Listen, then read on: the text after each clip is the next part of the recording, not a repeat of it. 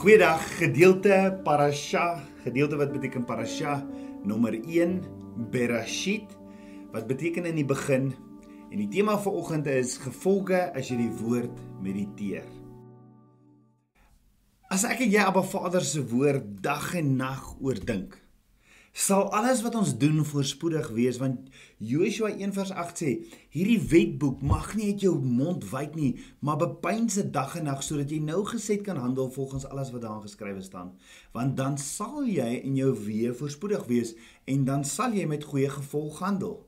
Met ander woorde jy sal voorspoedig wees in jou familie jy sal voorspoedig wees in jou besigheid En alles wat jy doen, elke area van jou lewe, as jy op 'n Vader se woord mediteer, Die Hebreëse woord vir mediteer is haga wat beteken to ponder. Dis om oor na te dink.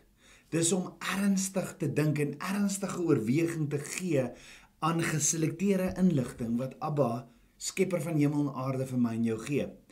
As ek en jy net meer tyd sal maak daagliks om Abba Vader se woord te mediteer, sal ons weer voorspoedig wees want dit staan geskrywe. Maar die vraag is, hoekom? Hoekom gebeur daar iets bonatuurlik as jy Abba Vader se woord mediteer? Want nommer 1, Abba Vader se woord is saad. 1 Petrus 1 vers 23 sê, want julle is wedergebore nie uit verganklike saad nie, maar uit onverganklike, deur die lewende woord van God wat tot in ewigheid bly. Wanneer ek Abba Vader se woord mediteer, is ek besig om 'n saad te plant in my hart wat gaan produseer. Dink daaroor. Wanneer jy 'n pakkie saad koop om te plant, lyk daai saadjie glad nie soos die plantjie op die pakkie waarin die saadjie verpak word nie. Maar as jy dit in die grond sit, het dit daardie saadjie, het daardie saadjie die potensiaal om daardie prentjie te produseer of om die plantjie te produseer. En dis presies hoe Abba Vader se woord werk. Yeshua sê in Markus 4, die saaier saai die woord en daardie woord kan produseer 30, 60 of 100voudige vermenigvuldiging. Wanneer ek en jy Abba Vader se woord mediteer, is ons besig om oor iets te mediteer wat goeie saad is, wat goeie vrugte gaan produseer. Psalm 119 vers 15 tot 16 sê ek wil u beveel oordink en op u paaie let. Ek sal my verlustig in u insettinge. U woord sal ek nie vergeet nie. Met ander woorde wat Dawid sê is as jy die hele Psalm 119 lees wat hy gaan doen is hy gaan Abba Vader se woord mediteer dag en nag. Dawid sê hy's hy is verkeerdelik en onregverdig behandel en in plaas daarvan om te mediteer aan aan aan aan wat ander aan hom gedoen het, sal hy eerder Abba Vader se woord mediteer. Maar besef ek en jy ons mediteer reeds elke dag aan iets. As ons in slawerny is met iets, mediteer ons oor die slawerny die heeltyd. Ons mediteer aan die leuen wat ons in die slawerny hou in plaas daarvan om op die waarheid te mediteer wat ons vrymaak. Ons mediteer oor die verkeerde dinge, byvoorbeeld iemand wat met bitterheid rondloop, mediteer oor die verkeerdheid wat hom aangedoen het, wat hom aangedoen is die heeltyd. As iemand as iemand byvoorbeeld aanstoot geneem het deur iemand, dan is dit soos 'n groot klip wat jy die hele tyd saam loop en dan loop jy vir jare met hierdie klip en as jy iemand ontmoet, dan sê jy vir die persoon, kyk kyk kyk waarmee loop ek en dis alwaaroor jy mediteer, dis alwaaroor jy praat. As jy 'n verskil met iemand het of 'n argument, hoeveel tyd mediteer jy nie oor dit dan nie? Jy dink die hele tyd aan wat jy moes gesê het en gedoen het en wat jy gaan sê en gaan doen volgende keer. Ons mediteer oor die probleem in plaas van die antwoord wat Abba Vader vir ons gee. Ja, Abba Vader se woord is 'n saad wat ons wat wat sal produseer as ons dit dag en nag in ons harte plant. Dan die tweede rede hoekom iets bonatuurlik gebeur as jy 'n Vader se woord mediteer, is 'n Vader se woord is lewendig. Hebreërs 4 vers 12 sê want die woord van God is lewendig en kragtig en skerper as enige tweesnyende swaard en dring deur tot die skeiding van siel en gees en van gewrigte en murg en is 'n beoordelaar van die oorlegging en gedagtes van die hart. So Abba Vader se woord is lewendig.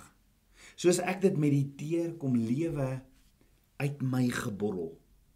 En dit onderskei tussen denke en oorlegging. Dit onderskei tussen denke en oorlegging. Ja, maar Vader se woord leer my sy wil ken en leer my sy wil doen. Het jy al ooit gevoel mense kyk neer op jou? Of mense respekteer jou nie? My seentjie het in die week na my toe gekom, my jongste, toe sê hy vir my pappa, "Maatjies boelie my by die skool." Ek sê, "Hoe doen hulle dit, Boeta?" En hy sê vir my, "Pappa, hulle spreek die lelikste woorde teenoor my uit." Jy sien Abba Vader se woord sê in 1 Timoteus 4 vers 12: "Laat niemand jou jonkheid verag nie, maar wees 'n voorbeeld vir die gelowiges in woord, in wandel, in liefde, in gees, in geloof en in reinheid." Hoe gaan ek 'n voorbeeld in die woord Hoe hoe gaan ek 'n voorbeeld in woord, in wandel, in liefde, in gees, in geloof en reinheid wees? Paulus sê vir ons, 1 Timoteus 4 vers 13, totdat ek kom, moet jy aanhou met voorlesing, vermaaning en lering. Verwaarloos nie die genade genadegawe wat vir jou is nie, wat jou gegee is deur die profesie met die handoplegging van die ouderlinge. Wees vlytig in hierdie dinge, leef daarin sodat jy sodat jou vooruitgang vir almal duidelik kan wees. Aan die ander woord ek moet lewe volgens die woord. Is dit nie wat elke kind van 'n Vader moet doen nie? Abba Vader sê vir Jesegiel in Jesegiel 3 vers 3: Mensekind, laat jou buik eet en vul jou ingewande met hierdie rol wat ek jou gee. En ek het dit geëet en dit was in my mond soos heuning so soet. En daar's niks in Abba Vader se woord sommer net nie. Hoe meer ek tyd in Abba Vader se woord spandeer en leer, hoe meer word Abba Vader se woord soos heuning in my mond, soos Jesegiel sê. En dan soos wat ons die Bereshit hierdie week se gedeelte wat ons saam bestudeer, lees jy in Genesis 5 en dan lees jy al hierdie name van hierdie geslagsregisters. Is daar rede vir al die name in die Bybel? Is daar dalk meer in 'n naam as wat ons dink? Ja, in Hebreëus het elke naam 'n betekenis. Die beste voorbeeld hiervan is seker Yeshua se naam self wat in Hebreëus beteken salvation verlossing. Presies die rede hoekom Yeshua aarde toe gekom het. Jy sien as ek en jy in ons Afrikaanse Bybels Genesis 5 lees en jy lees al hierdie name, al hierdie geslagte voor Noag, beteken dit absoluut niks nie behalwe dat ons weet daar was 10 generasies van Adam tot by Noag en hoe oud hulle geword het. Maar hoekom nogal is daar 10 generasies en hoekom sal Abba Vader hulle name almal in sy woord noem. Is daar 'n rede? Die getal 10 beteken perfection of the divine order. Met ander woorde, hier is iets van Abba Vader in hierdie name. Dan leer jy wat Abba Vader oorspronklik vir Moses gesê het om te skryf in Hebreëus en wat hierdie name beteken, is daar 'n hele nuwe wêreld wat vir my en jou oopgaan. So kom ons kyk gou-gou na hierdie 10 name en hulle betekenis in Hebreëus wat ons in Genesis 5 kry. Die eerste een se naam is Adam, die eerste mens op aarde. Dit is nie verbasend dat die naam Adam beteken mensdom nie, want dit is dit is wie Adam was, die begin van die mensdom. Adam en Eva se derde seun was Set. En as ons na die naam Set gaan kyk en die betekenis dan is dit appointed appointed another seed. Appointed another seed. Die derde generasie is Enog. Enog. Uh Enog beteken Enog beteken mortal. Met ander woorde, die sterflikheid, die sterflikheid. Enog se seun se vierde geslag Kenan. Kenan wat beteken sorrow. In Afrikaans beteken dit hierdie smart uh, beteken dit hierdie hierdie smart, hierdie hierdie droefheid en seer. Vyfde sien ons die seun van Kenan is Megalal El. Megalal El. Megalal El bestaan uit twee woorde. Dit bestaan uit Megalal, blessed or praised, met ander woorde gesalfde en geseënde en El beteken God. En as jy die naam van Megalal El uh, bymekaar sit, dan beteken dit gesalfde van Jahweh. Dan gaan jy na die 6de geslag, die naam Jared. In Hebreëus Jared wat beteken shall descend, sal neerdal. Sewende in die geslagsregister is 'n man met die naam Henog. Henog beteken teaching, to teach people, to instruct people. Henog was dus Noag se oupa grootjie. Die agste geslag is die seun Henog, is die seun van Henog is met Metusalag, Metusalag. Nou Noag se oupa, dis die oudste mens opgeskryf in die Bybel. 969 jaar het hy gelewe. Hoekom? Kyk jy na die naam wat bestaan uit met wat beteken death, shalach wat beteken shall bring forth. Sit jy hierdie bymekaar beteken sy naam his death shall bring forth. 9 in die ry en Noag se pa is Lamech. Lamech wat beteken dis the uh, the sparing those in despair the sparing those in despair met ander woorde hierdie hierdie wanhoop hierdie hierdie vertwyfeling dan die 10de generasie Lamech se seun Noag Noag wat se naam beteken comfort of rest As jy gaan lees wat Noag se pa sê hoekom hy hierdie naam gekry het, hoekom Noag hierdie naam gekry het, dan lees jy in Genesis 5 vers 29 wat sê en hy het hom Noag genoem want hy het gesê dit is hy wat ons sal troos oor ons werk en oor die moeitevolle arbeid van ons hande wat voortkom uit die aarde wat Jahweh vervloek het. Met ander woorde rus in oorwinning, in gemoedsrus want dit is klaar, dit is finaal verby.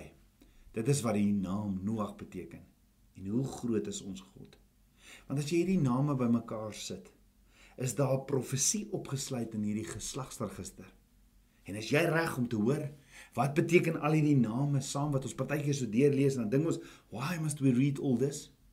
Hoor gou as jy hierdie betekenis van hierdie 10 name net langs mekaar gaan skryf, presies in die volgorde wat Abba Vader dit het, dan lees dit Die mensdom het sterflikheid, dood en seer aangestel, maar die geseënde of gesalfde van Abba Vader, Yahweh, sal neerdal en die mense leer en onderrig dat sy dood vir die wat in wanhoop en vertwyfeling is, rus sal gee. Ek wil dit in Engels ook vir jou eh, vir jou vir jou noem. The man or mankind has appointed mortal sorrow, but the blessed Yahweh Elohim shall descend or come down and teach the people that his death shall bring those in despair comfort and rest. Bietjie meer as net 'n geslagsregister is dit nie? Kan jy sien hoe ons baie keer net verby dele van Abba Vader se woord lees en dan as ons dit gaan ondersoek, dan word hierdie oop gebreek en dan vra ons Abba wie is u? Hoe groot is u? Tabernakels kind van Abba. Niks in Abba Vader se woord staan sommer net daar nie. Kom ons bid saam. Ons almagtige Vader skepper van my hart. Abba ek loof en ek prys u. Vader dankie vir u woord. Dis soos heuning in my mond. Meer en meer van u geheimenisse.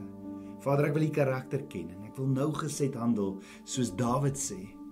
Ek wil my verlustig in u instruksies en presies doen uit liefde uit dit wat u my vra. Gee my die krag. Gee vir my wysheid en insig en kom leef in my meer en meer van u.